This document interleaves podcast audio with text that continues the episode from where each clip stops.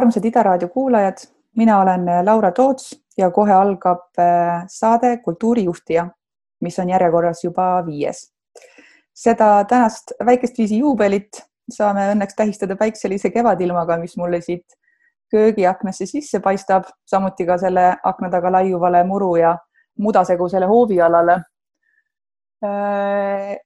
nii nagu paljud teisedki praegu eetrisse minevad saated, idaeetris on ka kultuurijuhtija lindistatud kodustes tingimustes seoses idakuudiku ajutise sulgemisega,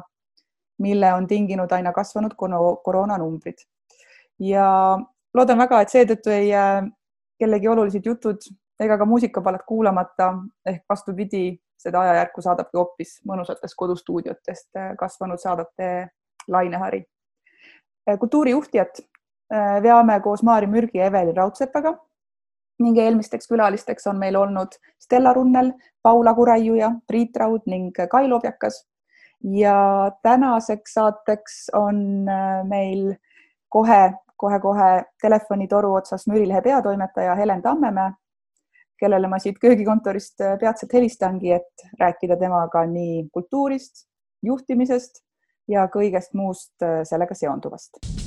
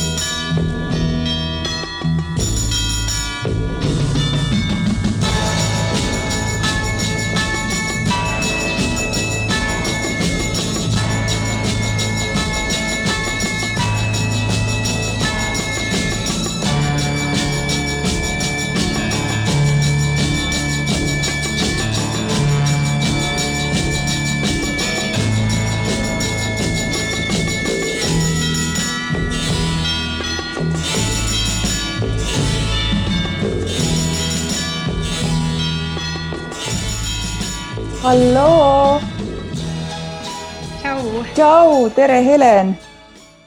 sihuke tore pidžaama intervjuu hakkab meil. ja äh, just äh, enne seda sinu äh, siia kõnesse liitumist tegin ka, tegin ka lühikese sissejuhatuse ja ja mõtlesingi, et väga huvitav, et saingi kasutada esimest korda sõna köögikontor, mitte ainult kodukontor ja selline mõnus kodune olek ja äkki annab see just praeguse aja saadetele nii palju lisaväärtust juurde, et äh, tulevad mingid huvitavad tähelepanekud või tegutsemisviisid lausa sellest, et istud siin oma toataimede ja ketšupi pudeli ja, ja küün, küünlajalgade kõrval ja siis räägid äh, oma lemmiklehe peatoimetajaga näiteks mul oli eile selline juhus, kus ma osalesin ühes ähm, Praxise siis kultuuripoliitika strateegiadokumendi aruande koosolekul. Ja ma kuidagi niimoodi uljalt sisenesin sellele koosolekule, mõtlemata, et kes seal kõik veel võivad olla. Ja siis oligi kuidagi, et kõik olid hästi viisakad kuskil oma kontorites ja niisugused korralikud, mingi Erik Roose, siis Rahvusringhäälingu juht ja ja Postimehe ajakirjanikud ja kes kõik veel on ju, ja mina ikka täpselt samamoodi oma selle villase kampsuniga nüüd just natuke sassi on ju, oi, vabandust, oi. Aga siis ei olnud enam midagi teha. mul on väga hea meel, et sa oled äh, meil külaliseks olnud nõus tulema, sest äh,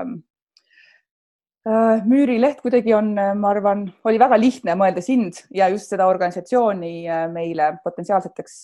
külalisteks. Mm, et mulle tundub küll kuidagi väga empaatilise, avatud meelega äh, väljaanne, milles on mitmepalgelised lood, sisukad kriitilised käsitlused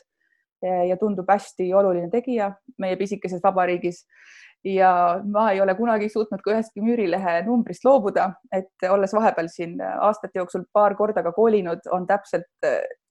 Müürileht olnud üks nendest asjadest, mis alati kastide viisi truult ära pakitud, talletatud ja siis minuga alati kaasa tulnud. et äh, mulle tundus see kohe juba hea märk, et äh, saada siis sellise loomuliku ja alatise huvina oma nagu lemmiknähtuste köögipooli teada tundma saada. ja ja mul on jäänud äh, sinu äh, poolt tehtud äh, intervjuudest nii Müürilehes eelkõige ka mulje, et, et oled just ka kuidagi inimeste inimene, tundlik ja uudishimulik, nagu paljud sinu intervjueeritavadki. et siis võib-olla ongi kuidagi õige aeg ja koht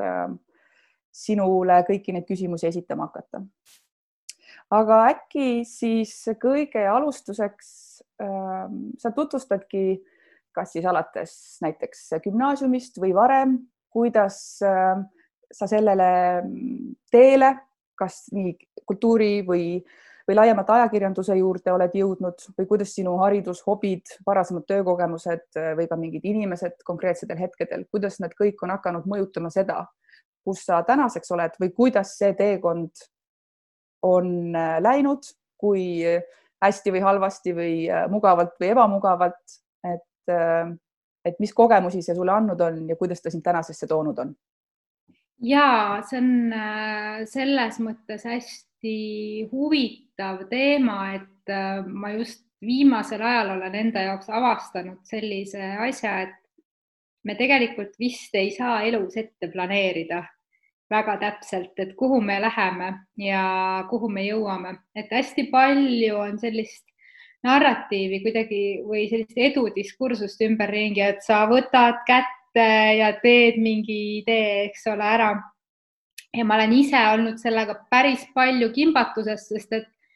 äh, väga paljud asjad, mida ma olen äh, mõelnud ja tahtnud teha, ei ole õnnestunud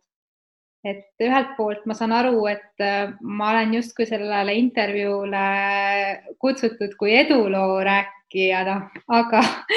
aga ma pean kohe ütlema ära, et selle eduloo taga on ka väga paljud äh, ebaõnnestumised ja ebaõnnestumised selles mõttes, et väga palju, noh, väga paljud asjad ei ole teoks saanud, mida ma olen tahtnud teha. Et mulle tundub, et, et mingis mõttes nagu see tee, kus me käime seal on nii palju meist mitte sõltuvaid asjaolusid, mis lükkavad meid äh, rööbastesse, kuhu me ei oska ennast äh, ette nagu arvata ja Müürilehega on minul olnud samamoodi. et kunagi, kui, kui ma gümnaasiumi ajal Vanalinna Hariduskolleegiumi kunstiharus äh, käies olin selline entusiasmist pakatav kunstihuviline ja Äh, sain kuidagi jala ukse vahele kultuuritehasesse Polumer, kus me siis alustasime sõpradega sellise MTÜ või kunstirühmituse nagu Noorte Looming. Äh, ja hakkasime seal tegema üritusi. Ähm, et siis olid need visioonid nagu tulevikuks tegelikult hoopis teised ja kuidagi läbi väga paljude erinevate Äh,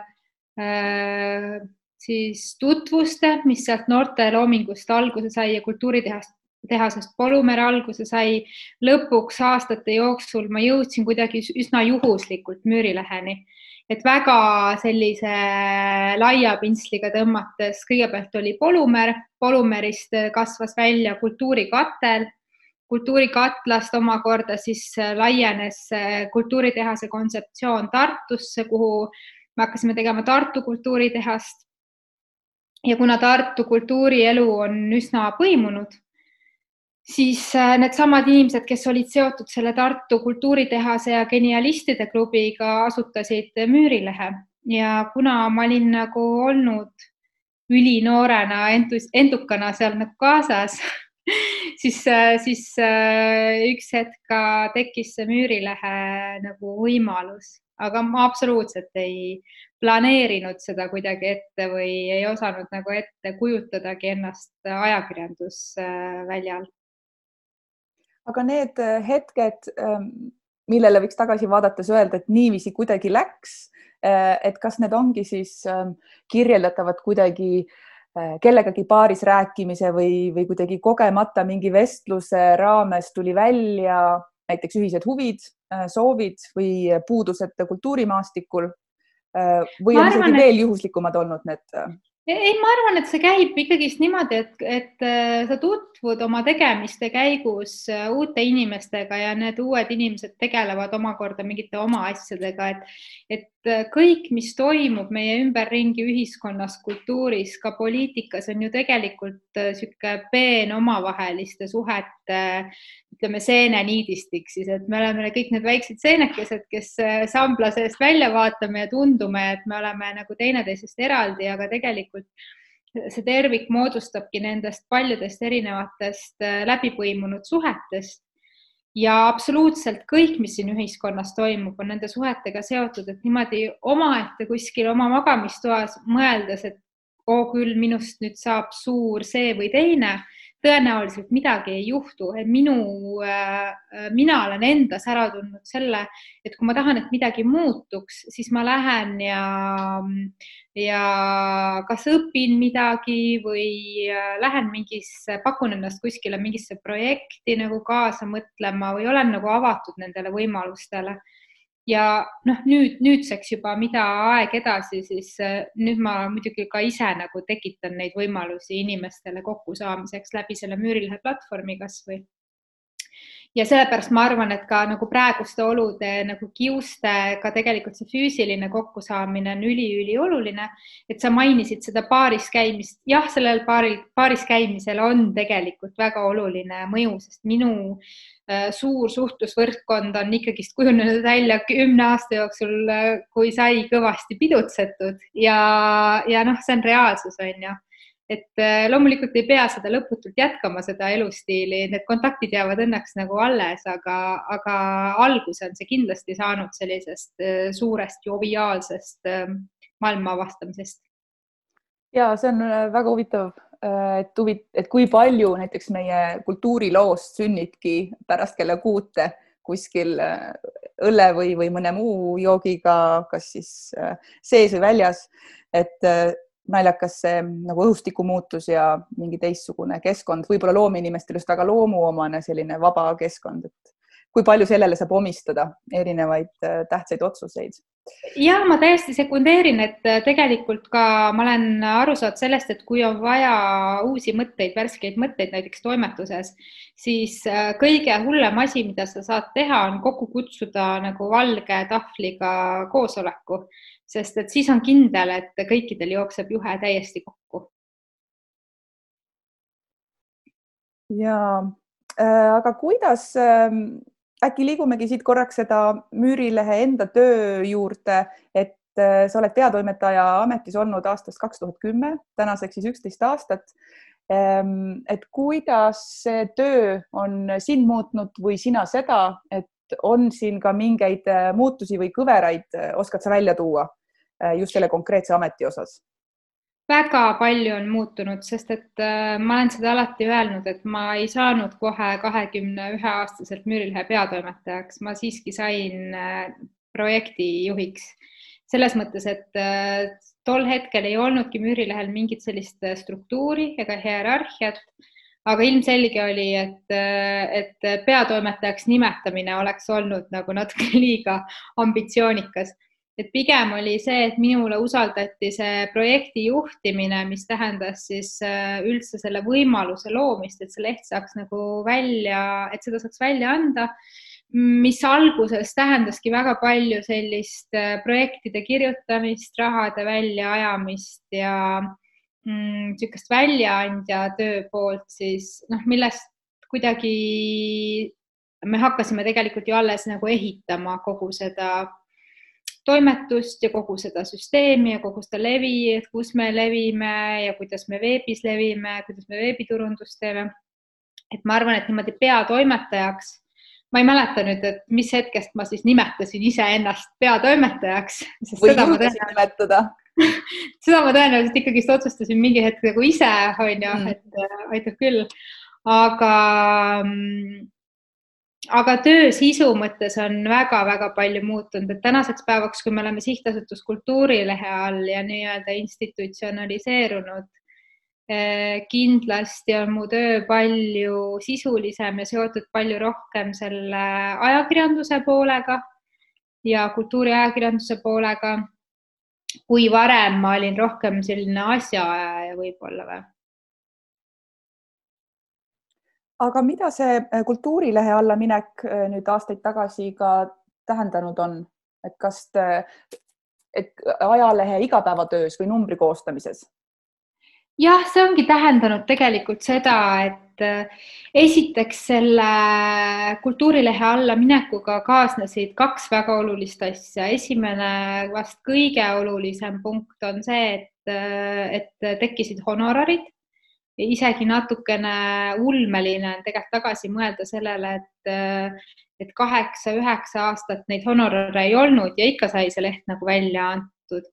teine asi, mis on sama oluline, on see, et tekkis ka palgafond siis toimetajatele, et jah, me saime varem ka palka, aga lihtsalt see oli rohkem selline, kuidas ma ütlen, motivatsioonitasu, see ei olnud nagu päris selline äh,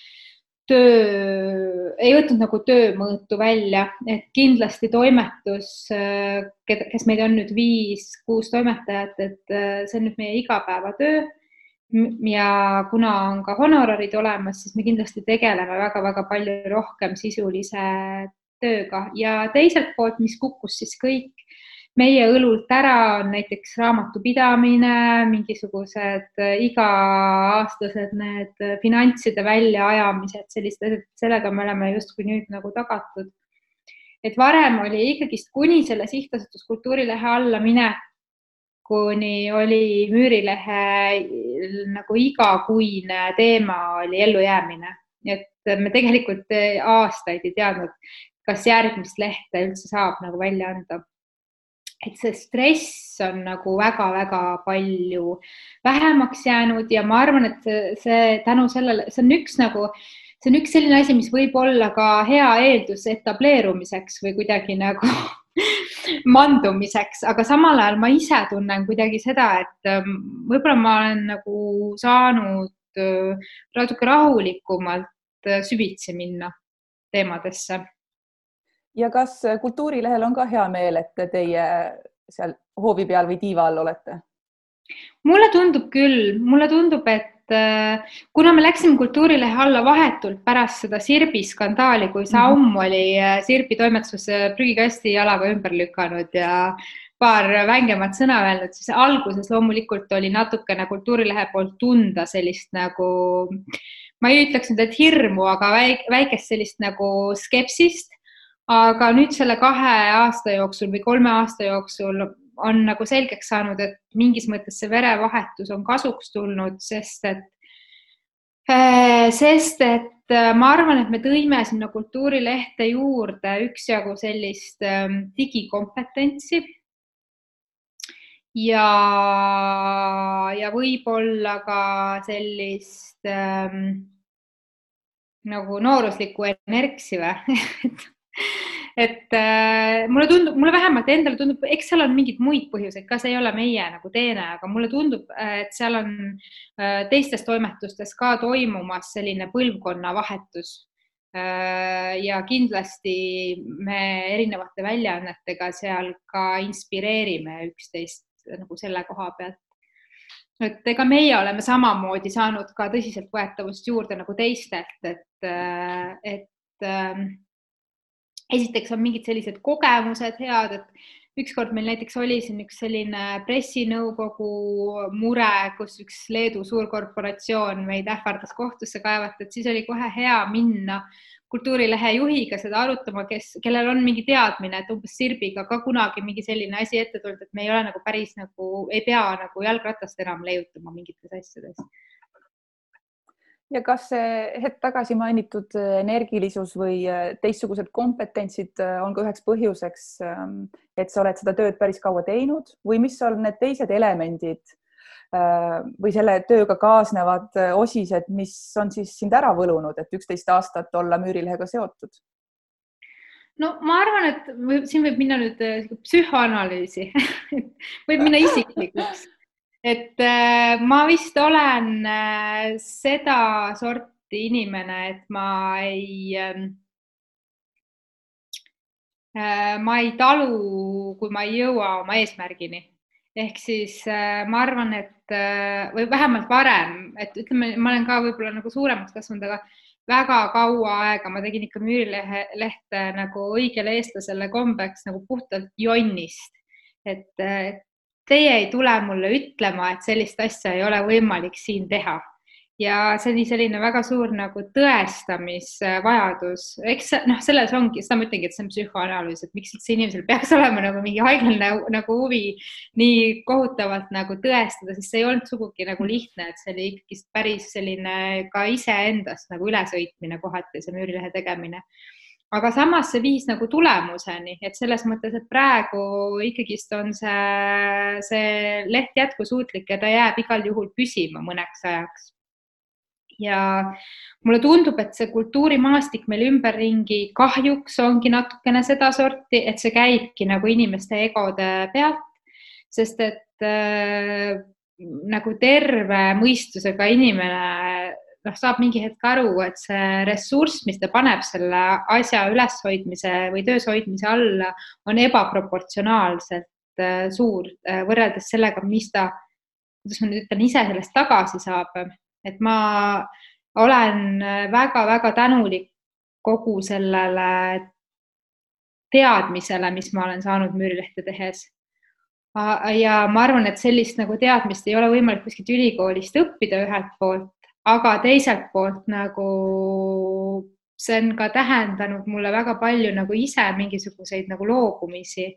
et ma olen kuidagi nagu pidanud äh, noh, nagu kuidagi siis teadlikult nagu tegelema sellega, et hästi, et see, et mul siin äh, praegu söögiraha ei ole, et et vähemalt minust saab tohutult mingi erudeeritud inimene, ma ei, ma ei tea, et seda praegu muidugi ei ole kultuurilehe all ja riigi rahastuse all ei saa seda nagu öelda, aga, aga mul oli küll hetki müürilehte tehes, kus ma olin täiesti nagu paljas, see leht oli äh, võlgades ja ise ma olin täiesti nagu läbi põlenud ja ma ei saanud üldse aru, et miks ma seda nagu teen. Äh, kui seda olukorda, mida kahjuks meil on väga paljud kolleegid äh, kultuurimaastikul kogenud, võtta ütleme, et teatava telje süsteemi ühte otsa, siis milline võiks seal teises otsas olla sinu jaoks kas siis ideaalne või ideaalilähedane kultuuriruum, et äh, millises, millisel väljal sa väljas sa ise sooviksid elada või, või kuidas sa seda oma tööga ka kujundad? no vot, see ongi natukene nüüd see, et meil puudub siin Eestis kahjuks selline Äh, pikaajaline kultuurikiht. Ja see on meie selle katkestuste kultuuri tulemus, et äh, mingi hetk on meie need helgemad teadsid kõik ära küüditatud ja meil ei ole saanud tekkida sellist nagu pikaajalist põlvkondade ülest ähm, Äh, haritlaskihti ühiskonnas. Ja ma ei taha seda kuidagi nagu üldse öelda nagu mingi tohutult elitaarne asi, et need on mingisugused äh, baroksed äh, interjööridega kõrgete lagedega korterites äh, intellektuaalid, aga ma tahan seda öelda lihtsalt sellest, kasvõi nagu sellest äh, aspektist, et mis on meie need ühiskondlikud väärtused, et äh, lõppkokkuvõttes taandub ju kogu see asi sellele, et meil ei ole ühiskonnas neid inimesi, kes seda kultuuri väärtustaksid. et me oleme äh,, Eesti kultuur on nagu maineprojekt, Eesti maineprojekt, mida tegelikult rahvas ise ei tarbi, olgem ausad. et äh, üksjagu on äh, on selliseid nähtusi meil siin, mis on väga kõrgel tasemel, aga mille auditoorium jääb ikkagist väga-väga väikseks ja sellepärast ongi see, et meie need äh, kultuuritipud saavad tavaliselt tunnustust välismaalt. et äh, kui me vaatame oma dirigente, heliloojaid, ka nagu noorema põlvkonna kunstnikuid, siis reaalsus on see, et see kultuur leiab selle kandepinna tihti välismaalt aga nüüd Müürilehe puhul on see, et meie eestikeelne sisu äh, seab omad piirangud, mis tähendabki seda, et me oleme natukene nagu vaakumis oma selle tegemisega. et äh, me saame küll tunnustust selle eest, mis me teeme, aga neid inimesi tegelikult on ikka väga-väga vähe, kes äh, Müürilehte loevad. Aga äkki sa oskadki siin siis äh, kirjeldada, kas siis äh, keskmist või, või just väga seda nagu äärmist Müürilehe lugejat, et milline on see statistika, et, et mis eas või, või soos või linnas ta mm, elab? Kui palju te üldse vastukaja saate oma tegemistele lugejatelt otse? Ja kuidas siis seda arvesse võtate või seda siis enda töös kuidagi kohendate?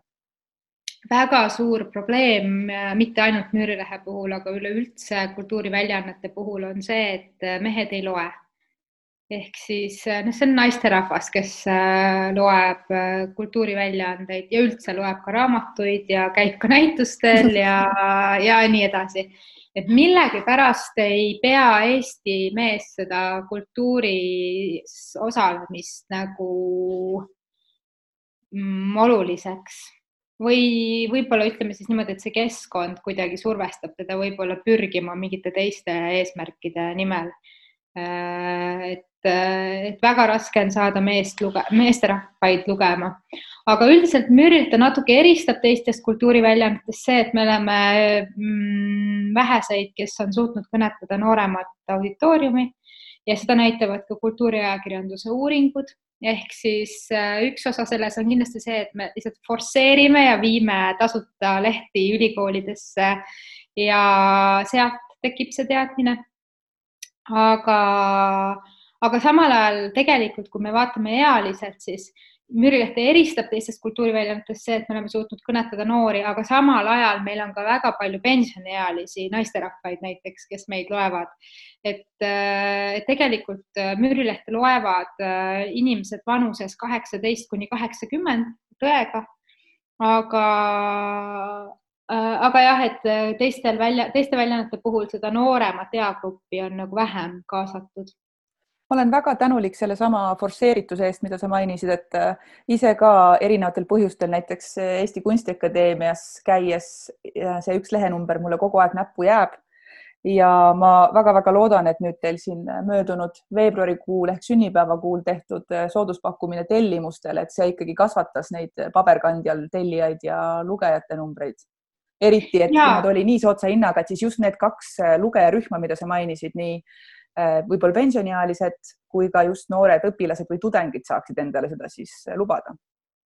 Praegu see kampaania oli meil tõesti selles mõttes edulugu, et meil on esimest korda üle tuhande tellija, mis on noh, üks neljandik kogu tiraažist. Äh, aga me oleme kõvasti nagu nende kampaaniatega vaeva ka näinud, et või, võib-olla see koroona nagu on meile selles mõttes kasuks tulnud, et mõnes mõttes on see teinud meile levi hästi keeruliseks, sest et me ei saa ju kuskile viia praegu, sest kõik kohad on kinni. aga selle võrra vähemalt on meil äh, tellijate hulk kõvasti kasvanud, võrreldes eelmise aasta jaanuariga lausa poole võrra ja kuidas sulle üldse äh, kultuuriajakirjandust vaadates ja selle sees äh, töötades, ähm, kuidas sa seda hetkeseisu hindaksid? et kuidas ähm, sa vaatled äh, Müürilehte ja teisi väljaandeid selle kõrval, on nad siis ähm, lehe või mõne saatesarja osa näiteks, et kuidas on see sinu tööelu jooksul kujunenud, et millised näiteks juhtumid, artiklid, sõnavõtud või mingid poliitilised sündmused või muutused on, ähm, saab pidada kultuuriajakirjanduse kas kõrghetkedeks või siis madalseisuks näiteks? no kultuuriajakirjandusega on äh, nii, et äh, see on äh, maineprojekt, see on nii riigi maineprojekt kui erameedia maineprojekt kui ma ei tea, ERR-i Rahvusringhäälingu maineprojekt. Ja maineprojektidele leitakse rohkem raha siis, kui on head ajad mis tähendab seda, et kui Müürileht kunagi alguse sai, see oli täpselt eelmise majanduskriisi ajal üks äh, asi, mis ajendaski Müürilehte looma neid Tartu, äh, Tartu, Tartu kultuuriinimesi, oli see, et äh, toonase majanduskriisi ajal pandi kinni ERR-i Tartu osakond ja pandi kinni ka või vähendati oluliselt erameedia kultuurikülgi ja Müürileht siis tuli nagu seda tühimikku täitma mingis mõttes. aga siis vahepeal läks nagu majandus paremaks ja läks ka kultuuriküljed jälle tulid nagu natukene kasvasid ja nüüd on näha jälle sedasama asja, et kui me vaatame, mis toimub erameedias, siis erameedia kõik äh, viivad kokku neid kultuuritoimetusi on ju ja mm, aina rohkem nihkub see fookus tegelikult sellest sisulisest kultuuriajakirjandusest kuskile mujale, et tahetakse teha skandaalseid lugusid teatrimajades toimuvatest ahistamistest ja see justkui paigutatakse sinna kultuuri külgede alla, on ju, et me ju teeme kultuuriajakirjandust. ja tegelikult, kui me vaatame ka ERR-i, et näiteks sellist, seda saadet Op on ju, noh, mis on ilmselgelt tehtud nagu pensionäridele, äh, siis äh, tekib küsimus, et, äh, et et kus siin see selline sisuline kultuuriajakirjandus on. ja noh, Joonas Hellermaa hoiab seda lippu seal veel püsti, aga ta on ka üks nagu väheseid selles majas, on ju. et ma näen nagu seda, et kultuuriajakirjandus tegelikult on ikkagist äh, konstantses nagu rahanappuses ja see jätab kindlasti väga tugeva jälje ka sellele sisule aga oskad sa mingeid häid näiteid ka tuua, kus sulle tundub, et äh, noh, sind, sind on miskisugune sõnavõtt või juhtum nagu rabanud, et, äh, et ma olen selle Joonas Hellermaa lipu hoidmisega küll nõus, kas, kas sinna kõrvale midagi veel me võiksime näha, mis, mis annab lootust või näitab ikkagi selle mm, valdkonna head taset? ja Müürileht muidugi ka jah, las ma nüüd mõtlen natukene selle peale, et meil on kindlasti, meil on kindlasti inimesi, kes on sellised ähm, nagu äh,, kes on võtnud oma südameasjaks mingisuguse süvitsi mineku mingite teemadega ja see süvitsi minek äh, on alati väga sümpaatne no,. näiteks mulle endale meeldib väga, ma olen väga tänulik et näiteks Peeter Laurits kirjutab lisaks oma äh, fotograafi tööle ja samamoodi, et äh, Maimik kirjutab, on ju, et äh, mulle tundub, et meie seas on nagu selliseid lahedaid nagu kultuuriinimesi, kes on lihtsalt võtnud endale selle kirjutava rolli ja see on väga rikastav. Äh, et äh, alati hindab nagu seda ükskõik, mis kanalites nad siis kirjutavad aga mulle tundub, et alati see selline kirjutamise oskus, see tuleb nagu muu elu kõrvalt, mis on ka täiesti okei okay. noh, samamoodi ka näiteks siin mõned kriitikud, Meelis Oidsalu näiteks, et äh, on ilmselge, et Eestis sa ei saagi olla ainult kriitik, vaid et see ongi selline hobiprojekt rohkem kõrvalt, aga mõnes mõttes võib-olla see, et see ei olegi selline päris töö, nagu annab sellele asjale isegi juurde et see ongi selle võrra kvaliteetsem, et sa näed, et inimene kirjutab sellepärast, et tal on tõesti midagi öelda, mitte lihtsalt sellepärast, et oma seda leiba lauale teenida. Äh, enne oli mm, jutuks siin Müürilehe noor ähm, lugeja äh, ja kuna teie kollektiiv ja ka äh, nõuandev koda tunduvad mitte päris eakaaslased, aga siiski kõik üsna ähm, nooremapoolsed ähm, inimesed, siis selle tõttu mulle tundub, on eriti märkimisväärne teie sotsiaalne närv, mis ület, ületab põlvkondi, et äh, mul on tunne ka, et ähm, saavad kajastust paljude inimeste, ähm, inimesed ise ja nende küsimused ja probleemid, keda, äh, kes ei ole võib-olla nii palju esil või kelle mured on üsna nähtamatud ähm, ja tundub, et, äh, et eraldi fookus võib olla ka just eakamatel inimestel teie lehes, et millest selline sotsiaalne närv on tingitud, et, et te seda ka nii vapralt ja ka eesrindlikult kajastate? no ma tuleks jälle tagasi võib-olla nende isiklike suhete juurde mm, -hmm. mul on endal juhtunud selline naljakas asi, et mu elus on väga palju väga, mulle väga lähedasi sõpru, kes on minust äh, isegi rohkem kui poole vanemad. et Äh, ma ei tea, millest, ma tõesti ei oska öelda, millest see tuleb, et. aga on see äh, tuttav, see nagu, et hoida seda küsimust kuidagi endal nagu südames? Äh, no selles mõttes, et ma ise ma olen täiesti võib-olla nagu valesti seda elu elanud, et ma nagu eraldi nagu e-, erinevad sihukeste asjadega oma elus nagu sellises eas, kus ei peaks nagu tegelema. et võib-olla noh, ma tegelen hästi palju isiklikult nagu surmateemaga, et surm on minu jaoks mingisugune selline asi, mis on nagu kogu aeg nagu kohal ja loomulikult ma leian mõttekaaslasi, kes sellega tegelevad, kes on nagu surmale lähedal, on ju, et sellepärast võib-olla ma olen ka nagu tahtnud Müürilehes käsitleda neid teemasid, et mind ennast lihtsalt, nad on minu jaoks olnud nagu nii kohal. ja, ja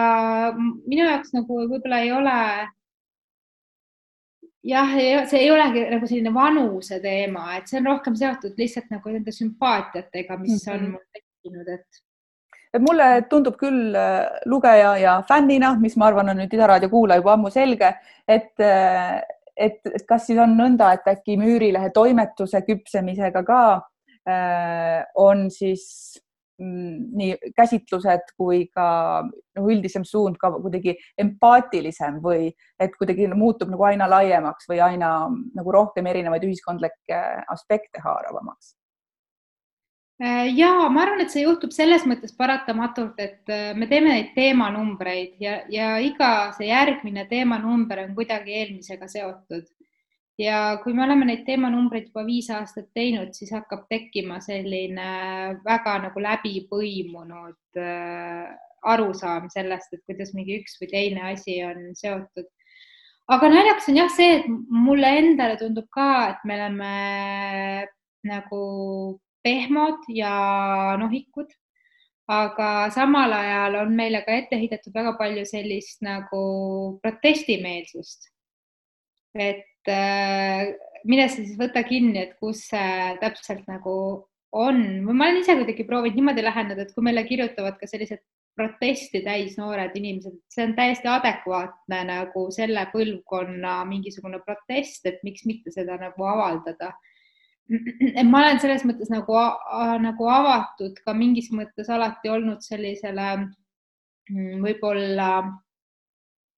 see on nüüd provokatiivselt öeldud, aga põlvkondlikule kitsarinnalisusele. sest et mulle tundub, et lugeja jaoks on oluline aru saada, kuidas näiteks mingid inimesed nagu siin ühiskonnas,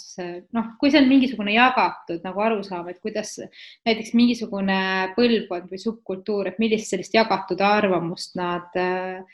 äh, nagu omavad, millega me ei pruugi alati võib-olla nõus olla, et ajakirjanduse mõte ei ole kogu aeg ju ainult avaldada seda, mis sa nagu ise arvad, et õige on. aga lihtsalt Müürilehega me oleme proovinud jah, kuidagi anda nagu häält võib-olla mingitele sellistele gruppidele, kes muidu ei ole väga nähtaval tead, mulle see kitsarinnal, kitsarinnalisus endale paljastuski ähm, selle noorte numbri ajal,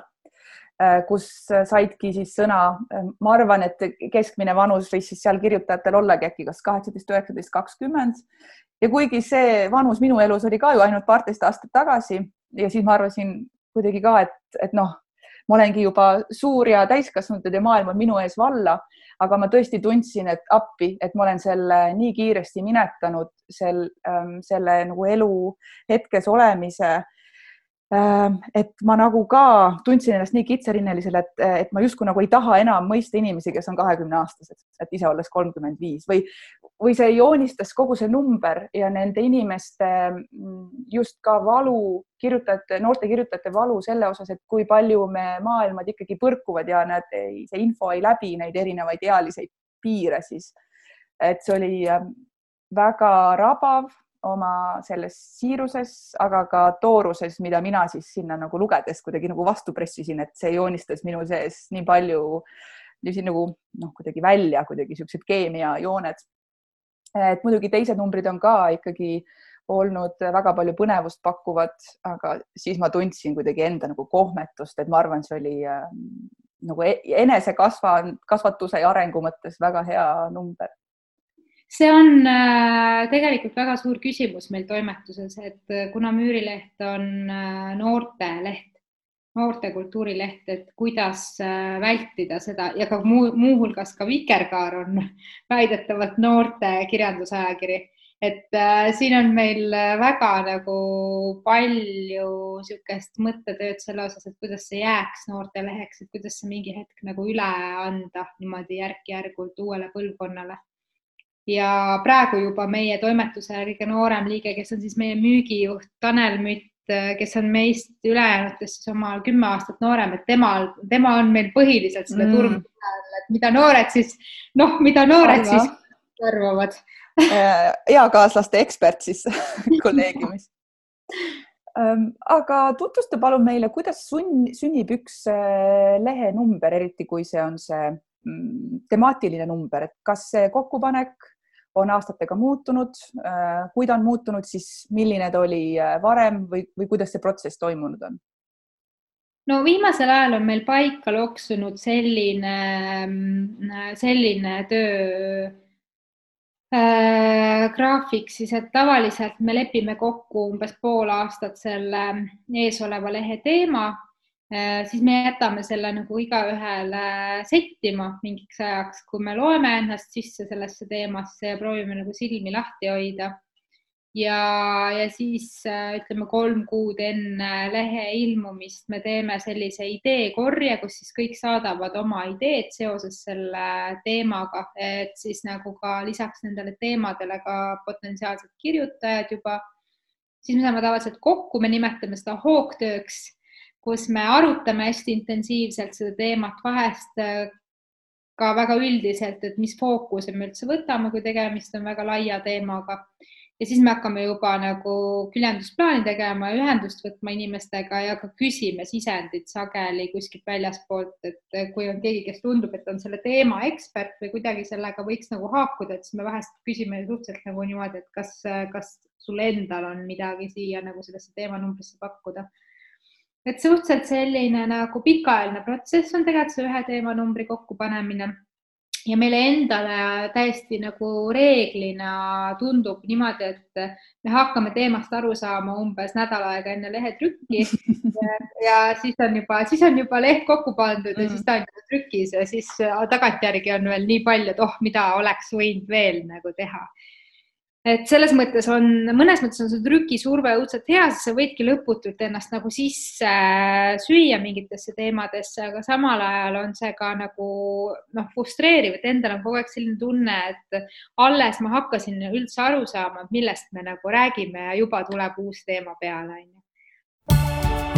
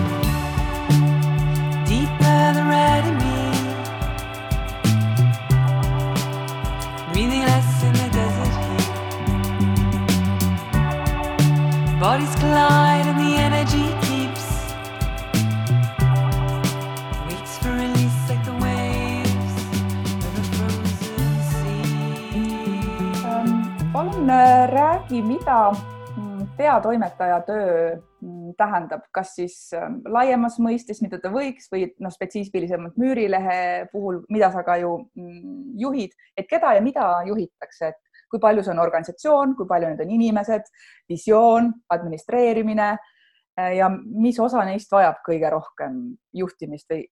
või ja kas see on kuidagi ajas jälle muutunud sinu selle üheteistaastase staaži jooksul? Äh, no ajas on muutunud see, et ähm,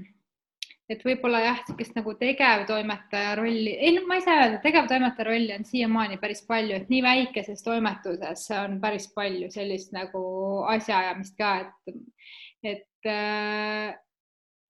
et äh, hea on nagu see, et väikses tiimis sa ei pea nii väga tegelema administreerimise ja organisatsiooni juhtimisega, et on ikkagist ideed ja inimesed ja see on kindlasti nagu palju äh, hingetoitvam kui oleks äh, nüüd juhtida mingit tohutut organisatsiooni. aga ähm, meil on ikkagi see toimetus nii äh,, me oleme harjunud nagu nii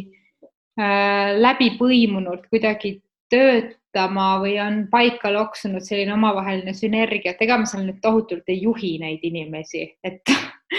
et pigem on, äh, kuna ma ise olen natuke seda tüüpi, et nagu mulle meeldib omaette nokitseda ja mulle ei meeldi, kui mind kogu aeg segatakse, siis ma olen enda ümber ka kogunud inimesi, kes on umbes samasugused, et mingit sellist tohutut mikromanageerimist seal ei ole ja päris palju on kõikidel nagu vabadust oma ideedega tulla ja oma ideid äh, teostada. Ja samamoodi ma olen kogunud enda ümber ka inimesi, kellel on sarnaselt mu endaga nagu allumisprobleemid, et äh, seetõttu ka no, asi läheks hapuks, kui ma ka üritaks seal tohutult midagi juhtima hakata. mulle tundub, et meile kõigile sobib see iseseisvus. võib-olla seal on ka nagu seda, neid puuduseid samal põhjusel, et näiteks, et äh, ma olen tundnud nagu äh, Äh, varasematel aegadel, et ma olen ka võib-olla inimesi liiga omapäi jätnud. Äh, ma ei ole nagu osanud ise nagu eriti öelda, mis nad tegema peavad ja kui nad pole seda ise ka suutnud välja mõelda, et siis on meie teed nagu lahku läinud.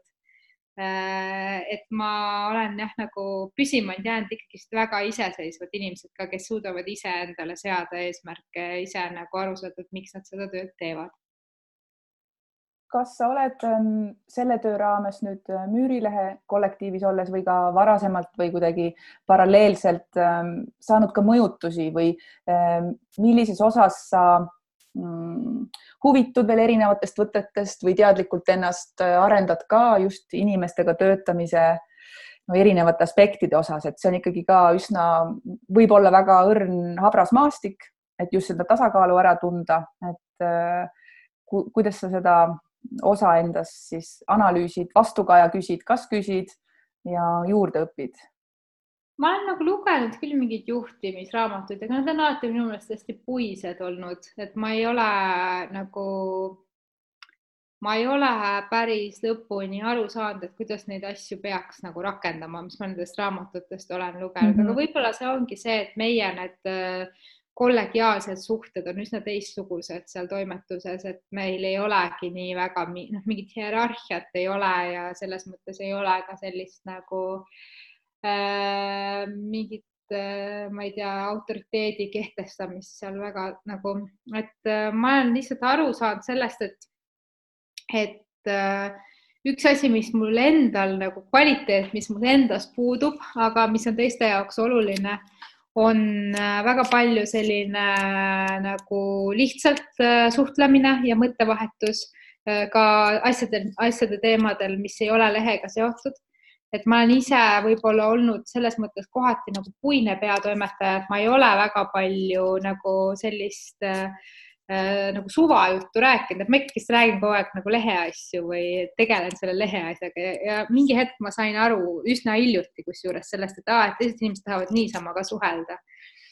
Äh, ja et see on vajalik. Ja see teeb nagu asjad paremaks, et ma olen iseendas, endast nagu õppinud seda äh, lihtsalt nagu laterdamist ka ja ma tunnen ka selles äh, ennast ära, et mõnikord on vaja rääkida, mida keegi teeb äh, uusaasta öösel või jaanipäeval või et äh, mis plaane haub, ähm, et muidu on oht jälle teatud karakteritele muutuda väga nagu robotlikuks kolleegiks ja noh, niiviisi silmaklappidega kuidagi ja. no mina olen täiesti selline tunnelrobot, äh, Exceli tabel, äh, et mitte väga, mitte väga nagu meeldiv selles mõttes, aga ma, lihtsalt see on see, kuidas ma ise töötan, et ma töötan väga strateegiliselt ja väga siukselt nagu äh, kuidas ma siis ütlen nagu, nagu võib-olla arhitekti tüüpi, et ma nagu ehitan hästi suuri süsteeme ja, ja see empaat, kuigi leht on väga empaatiline, et siis töös ma alati ei ole nagu empaatiline, et siis ma pean endale meelde tuletama, et oi, et nagu siin on ikkagist inimesed, kes seda tööd teevad, mitte see Exceli tabel mm. -hmm. aga kuidas jõuab äh, sulle tagasiside just sinu töö kohta ehm,? Ma küsin seda oma kolleegidelt, et ähm, jah, et ma proovin siis sealt nagu välja lugeda, et mis, et mis need signaalid nagu on, et ma proovin olla selles mõttes ise väga avatud, et kuna me oleme seda lehte teinud niimoodi kõik koos, et me oleme kõik koos teadlikult nagu arenenud selle käigus, siis me ka omavahel nagu suhtleme selle osas väga palju, et anname üksteisele tagasisidet, et Äh, väga tore näide näiteks on see, et kui ma ise annan väga karmi tagasisidet, siis ma küsin samalt inimeselt nagu hiljem ja, ja siis ma saan sealt nagu selle litaka nagu tagasi, aga mul on hea meel, et me oleme avanud selle ukse, et võib nagu niimoodi väga konkreetselt öelda, et pole vaja siin nagu tagasi hoida ennast, et kui on ikkagist halvasti kirjutatud, siis on halvasti kirjutatud, et ei ole vaja hakata ümber nurga niimoodi rääkima mingit asja sa juba mainisid seda mitte hierarhilisust või ütleme, teatavat äh, horisontaalsust Müürilehe tiimis. Ähm, aga sellele vaatamata ikkagi ju mingid rollid on, ähm, kas siis äh, nagu ameti mõttes või siis valdkondade mõttes, et kuidas see teil on äh, paika loksunud, et kas seal on ka olnud loksutamist vaja või see on ka väga orgaaniline olnud siin aegade jooksul? Äh, see alguses oli väga orgaaniline, aga see oli ka seotud sellega, et toimetajad olid ju vabatahtlikud pea mm, -hmm. peaaegu ja siis ma ei äh, julgenud ka neid nagu üle koormata ja nõuda neid asju. selles mõttes nüüd on ikkagi see muutunud, et, et äh, tegemist on ikkagist töötajatega ja, ja ei ole enam nagu sellist, et noh, vaata, kas sa nagu jõuad, onju noh, kuigi ma ütlen, et meil on ikkagist nagu suhteliselt laadna see töökorraldus ja mõnes mõttes mulle tundub, et noh, kui mingit kultuur, kui tegeleda kultuuriajakirjandusega, siis äh, mõnikord on niimoodi, et mingit artiklit toimetades või tehes või ma ei tea, intervjuud ette valmistades, sul on vaja seda settimisaega. Ja see settimisaeg, et intervjuu, ütleme, see sisuline nagu töö tuleb parem, kui äh, toimetaja nii-öelda näiliselt siis nagu molutab või näiliselt ei tee tööd, et äh, kui väga seal nagu push ida seda, et kõik peavad kogu aeg tööd tegema, tegema, siis mulle tundub, et tööd just nagu selles mõttes olema mingid tohutud asjalikud, et siis vahest, see hakkab nagu sisus kannatama. et äh, naljakal kombel sellises loovas valdkonnas või kultuuriajakirjanduse valdkonnas vahepeal on vaja passida ja vahepeal on vaja peol käia ja sõbraga kokku saada ja siis nagu sealt tuleb see noh, tuum alles et ma proovin olla selles mõttes nagu mõistev, et tegemist on mm. loomingulise nagu töövaldkonnaga. Äh, enne sa mainisid seda, ütleme, lobisemise vajadust või võib-olla selle mm, mahuga tõstmist äh, just ka töises keskkonnas, et kas mingeid asju on veel, mida peaks võimendama või, või katsetama kolleegiumis, et, äh, et ütleme, mingite rituaalide sisseviimist, kas oled ähm, sina omalt poolt või ka teised äh, sul kolleegid proovinud tekitada mingeid selliseid ähm, kogemuste vahetamisi või, või mingit, ütleme, traditsiooni? igasugune niisugune vabas vormis suhtlemine alati töötab väga hästi et me, meile meeldib hooaja lõpus äh, käia koos ühe nagu õhtusöögi teha või lõunasöögi teha ja sellised hooaja alustamised ja hooaja lõpetamised on nagu head. ja alati, kui meil läheb leht trükki, siis me teeme niisuguse ringi, kus kõik tänavad kõiki, see on natuke niisugune joviaalne, et näete, jälle õnnestus ikkagi saada see leht trükki. nagu üllatusena on ju, siis kõik on natuke niisugused et aitäh, keeletoimetaja, aitäh, kujundaja. Ja sihuke, jäime küll tund aega hiljaks jälle, aga noh, parem kui eelmine kord on ju et et äh, jah, ma arvan, et see asja tuum ikkagist ükskõik mis äh, vormis lõpuks on äh, lihtsalt suhtlemine ja suhete hoidmine, et seda ma olen tundnud ka, et kui see suhtlemise pool jääb nagu vajaka, et siis tekivad ka arusaamatused. noh, näiteks praegu sellel mm, pandeemia ajal eriti asjakohane, et mõnda asja on palju-palju lihtsam silmast silma öelda ja seletada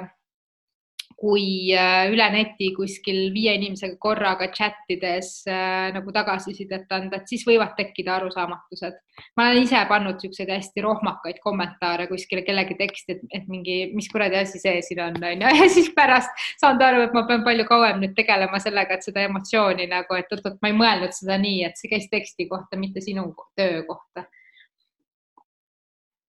ja kui palju mm, kollektiivis teil on äh, esil kas siis just kollegiaalsed või hoopis sõprussuhted, sest et äh, võib aastatepikkuse koostööga ju paratamatult ka noh, võib ju juhtuda, et inimesed äh, käivad koos äh, lasteaias lastel järel või trennis või, või kus iganes, eks ju, või tulevadki niiviisi ühte kollektiivi tööle tegelikult juba mm, sõpradena, et see sõprussuhe on seal all, et kas sinu jaoks on oluline mm, sellise kahe eri valdkonna puhul piir sinna vahele tõmmata ja kas näiteks sõpradeks kasvamine võimaldab teha tööd paremini või teeb selle kuidagi keerulisemaks just ütleme teatavate ähm, ootustega sellel töökohal või selle inimestevahelise suhtluse osas ja vastukaja andmine näiteks? meie ei olnud algusest mitte kellegagi sõbrad, et me ikkagist oleme ennekõike olnud kolleegid, aga me oleme väga nagu lähedased kolleegid ja ma arvan, et selles mõttes, et me oleme koos kasvanud, me oleme üksteist väga palju mõjutanud ja väga palju üksteisele andnud, et ma ei tahaks öelda, me omavahel ikkagist kõnetame üksteist äh, tavaliselt tiitliga kallid kolleegid. et see on selline äh, nagu ka omavahel, omavahel nagu traditsiooniks saanud äh, nali. aga eks me vahe peal ikka puutume kokku ka mingites mitte nagu tööalastes äh, olukordades, aga üldiselt me oleme ikkagist pigem kolleegid. Ja ma arvan, et see on just nagu seetõttu hea, et ähm, et see selline töine nagu õhkkond äh, see annab nagu mingit niisugust väga vajalikku energiat inimese ellu, et on mingi õhkkond, kus sa pead saama nagu olla sõpradega ja vabaks laskma ennast ja mingi keskkond, kus sa pead saama võib-olla nagu äh, mingi südant puistada, on ju, ja, ja siis on ka selline keskkond nagu töine keskkond minu arvates, mis on vajalik, see on nagu teine energeetika natukene. et seal peab jääma see mingisugune äh, noh, ütleme nii, et kui sa nagu äh, päeva lõpus helistad äh, sõbrale ja ütled, et äh, mitte midagi ei viitsi teha ja nagu noh, täiesti õudne mingi olukord, et tööl mulle tundub, et seal on väga raske hakata seda piiri tõmbama, et esimese asjana lähed nagu täielik masekas, midagi ei viitsi teha, motivatsioon on kadunud. Ja siis järgmine hetk oled niimoodi, noh, nii nüüd anname nüüd selle lehetrükki et äh, pigem meil on niisugune hästi nagu asjalik ja mulle tundub, et see ei ole, noh, see ei ole nagu sellepärast, et kuidagi, et me peaksime hoidma mingit sellist nagu distantsi omavahel, vaid pigem just selleks, et hoida sellist äh, õhkkonda, mis äh, võimaldab nagu mm, seda energiat koondada selle lehe väljaandmiseks aga sellele hoogsusele ja energilisusele vastukaaluks kuidas sa puhkad või kuidas sul see töö ja vaba aja joon jälle omakorda jookseb, et mulle tundub küll ainult kord kuus ilmuva lehe puhul, aga siiski see on niivõrd tihe ähm,, hästi äh, koondatud ja hästi toimetatud tekstidest koosnev väljaanne, et kas sa tegelikult üldse saad puhata, et sul on, peavad ju tundlad kogu aeg ju olema kaugel-kaugel väljas ja erksad kogu aeg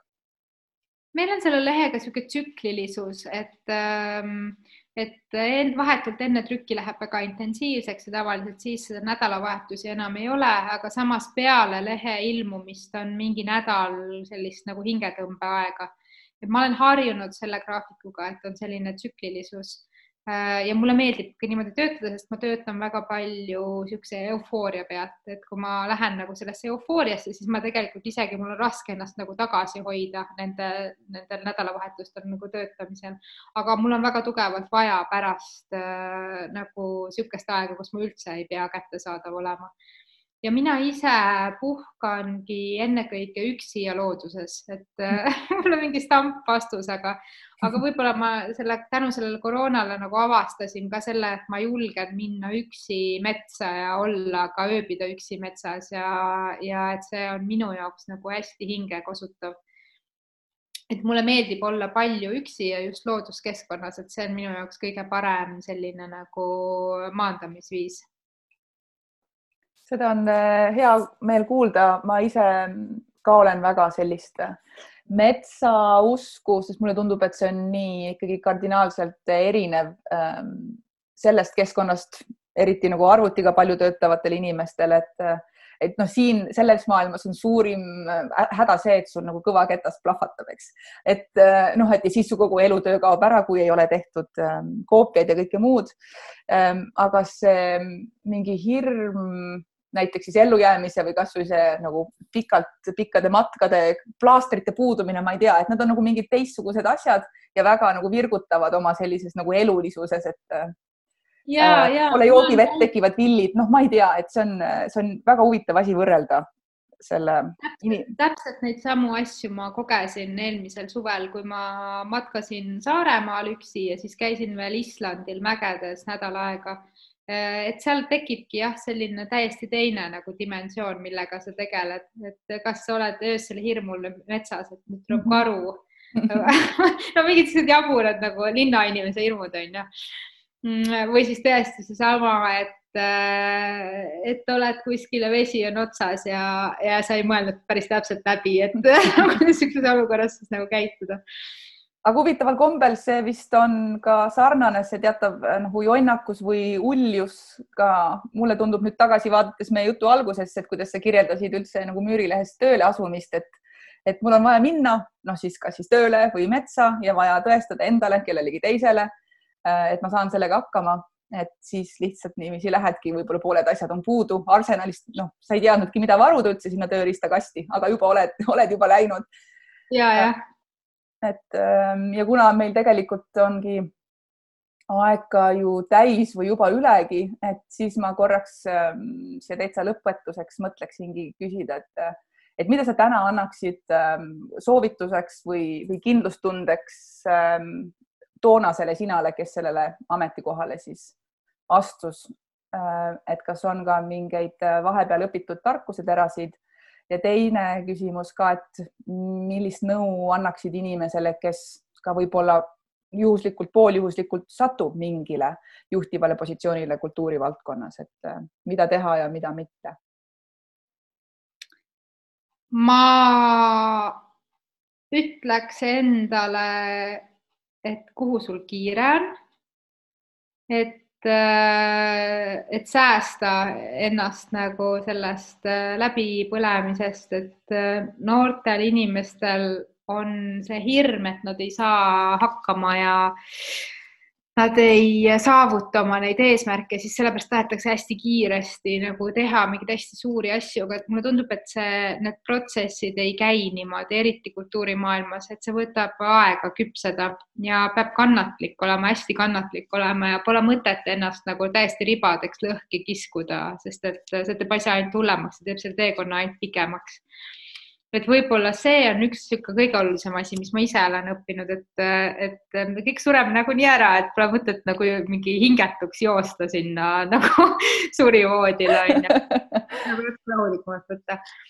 aga kui ma annaksin kellelegi teisele nõu, mm, et mida ütleme juhtival kohal kultuurivaldkonnas silmas pidada, siis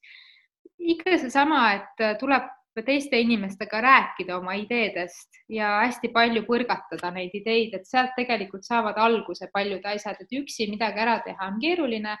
aga kui suhelda ja arutada omavahel, siis paljud asjad lähevad nagu koos sellest